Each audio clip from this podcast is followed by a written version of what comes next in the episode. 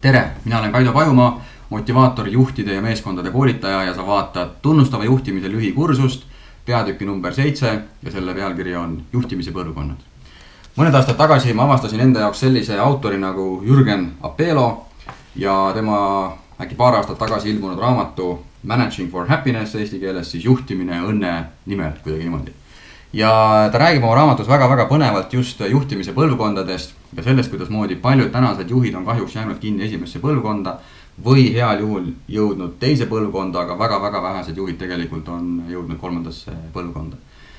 esimese põlvkonna juhid ongi niinimetatud pimedad juhid, keda võib nimetada ka bossiks. ta juhib ainult läbi oma sellise rollivõimu. ehk siis äh, kõigil on hirm tema suhtes, sest tema on ju boss, tema teab, tema ütleb, tema käseb, tema poob, tema laseb. ja sellele ta ainult siis toetubki, teda absoluutselt ei huvita, et äh, organisatsioonis on inimesed või minu meeskonnas on inimesed, kes äh, vajavad midagi, kes ootavad midagi, vaid ta lähtub ainult oma arusaamistest, kuidas asjad on õiged, mis asjad on valed, mis asjad on vajalikud, mis asjad ei ole vajalikud. ta annab korraldused kätte, ootab nende täitmist ja kõik muu on täiesti teisejärguline ja kui keegi ei mängi kaasa tema reeglite järgi, küsib liiga palju küsimusi, siis ta vahetatakse lihtsalt välja.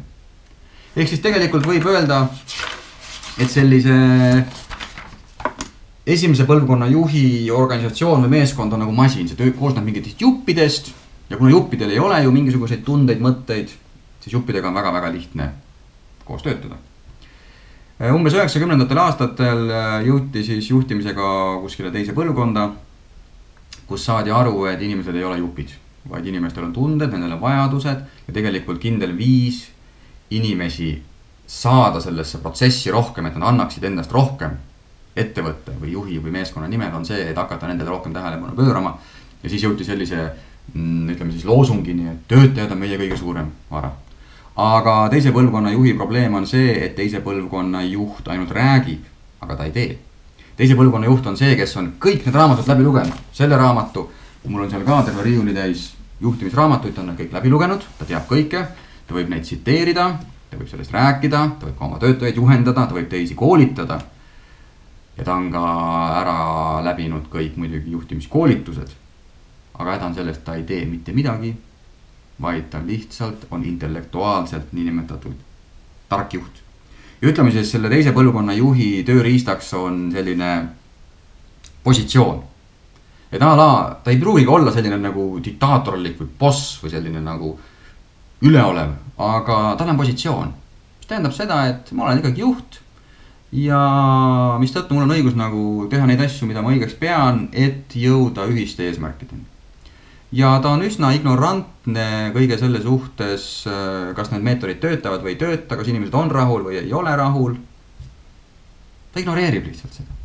tema loosungiks on näiteks, äh, meil on lahtiste uste poliitika, mis tähendab seda, et tule, räägi, kui sul mure on. aga kuna ükski töötaja ei julge eriti minna, ta ei taha nagu päris asjades võib-olla ka, sest ta ei tea, kuidas juht reageerib. siis keegi ei tulegi, millest juht järeldab, et järelikult meil pole probleeme. ehk siis ta on selline reaktiivne juht et ta justkui reageerib kõigele, mida töötajad nagu teevad. ja kui töötaja tuleb loomulikult ta võib jumala normaalne mees olla, jumala normaalne naine olla. aga ta on reaktiivne, aga häda on selles, et teise põlvkonna juht saab ka reaktiivse töötaja vastu ja töötaja ütleb talle vastu, et kuule, aga mul on ka lahtiste uste poliitika. kui sul on vaja mingi asi ära teha, ma teen ära.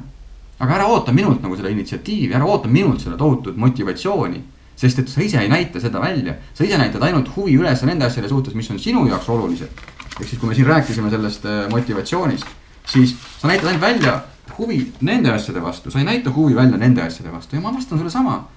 ma näitangi huvi ainult välja selle vastu, mis mind huvitab, raha. mind ei huvita see, kuidas osakonnal läheb, mind ei huvita see, kuidas ettevõttel läheb, sest ma ei tunne, et mind pidevalt nagu väärtustatakse, kaasatakse.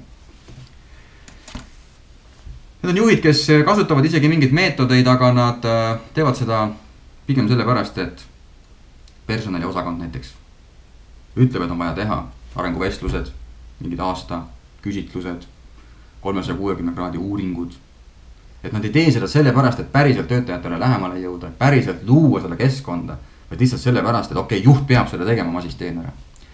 ja nüüd äh, kolmanda põlvkonna juht on siis juht, kes on aru saanud, et inimestega manipuleerimine ei tööta, sest kui me ainult raha kaudu püüame inimesi mõjutada ja motiveerida, siis see tegelikult on sama, mis manipuleerimine. hirmutamine ei tööta. Ja ainukene viis tegelikult inimestelt päriselt see soovitud ressurss kätte saada, on öelda täpselt, mida ma teilt ootan anda täpselt teada, mis on meie eesmärk, mis on selle meeskonna eesmärk, milleks see meeskond on loodud, et kõik saaksid ühtemoodi aru, et kui sa oled siin meeskonnas, siis tegelikult sa oled siin vabatahtlikult aga kui sa valid selles meeskonnas olla, siis see primaarne asi on ühine meeskonna tulemus, ühine meeskonna edu. Ja nüüd tuleb juhi roll sisse, juht ütleb, et okei okay,, meil on vaja vot siia jõuda koos. ja teie andke mulle teada, mida mina saan enda poolt teha selleks, et teil oleks hea siin olla, et te tahaksite siin olla. palka ma saan teile nii palju maksta. aga kas on midagi veel? kas te vajate rohkem tähelepanu, kas te vajate rohkem koosolekuid, kas te vajate rohkem läbipaistvust, kas te vajate rohkem usaldust, kas te vajate rohkem Äh, kokkusaamisi. mida iganes te vajate, ma soovin teile seda anda, sest et ma tunnen, et minu kui meeskonnajuhi ülesanne on luua selline keskkond, kus inimesed tunnevad, et nad tahavad tulla, mitte et nad ei tunne, et nad peavad tulema ja vot seda juhti võib nimetada siis proaktiivseks juhiks. ehk siis ta ei keskendu ainult nendele asjadele, tööasjadele, vaid ta küsib, et mida ma saan teha siin, et te tunneksite, et te tahate aidata mul selle asja ära teha. ja vot, kui sa juhina võtad sellise ülesande endale, olla nii haavatav, olla nii ehe, nii autentne ja küsida, et mida mina saan teile siit pakkuda, et teie tahate, tahaksite mulle pakkuda seda tulemust. siis võib öelda, et sa oled jõudnud kolmandasse põlvkonda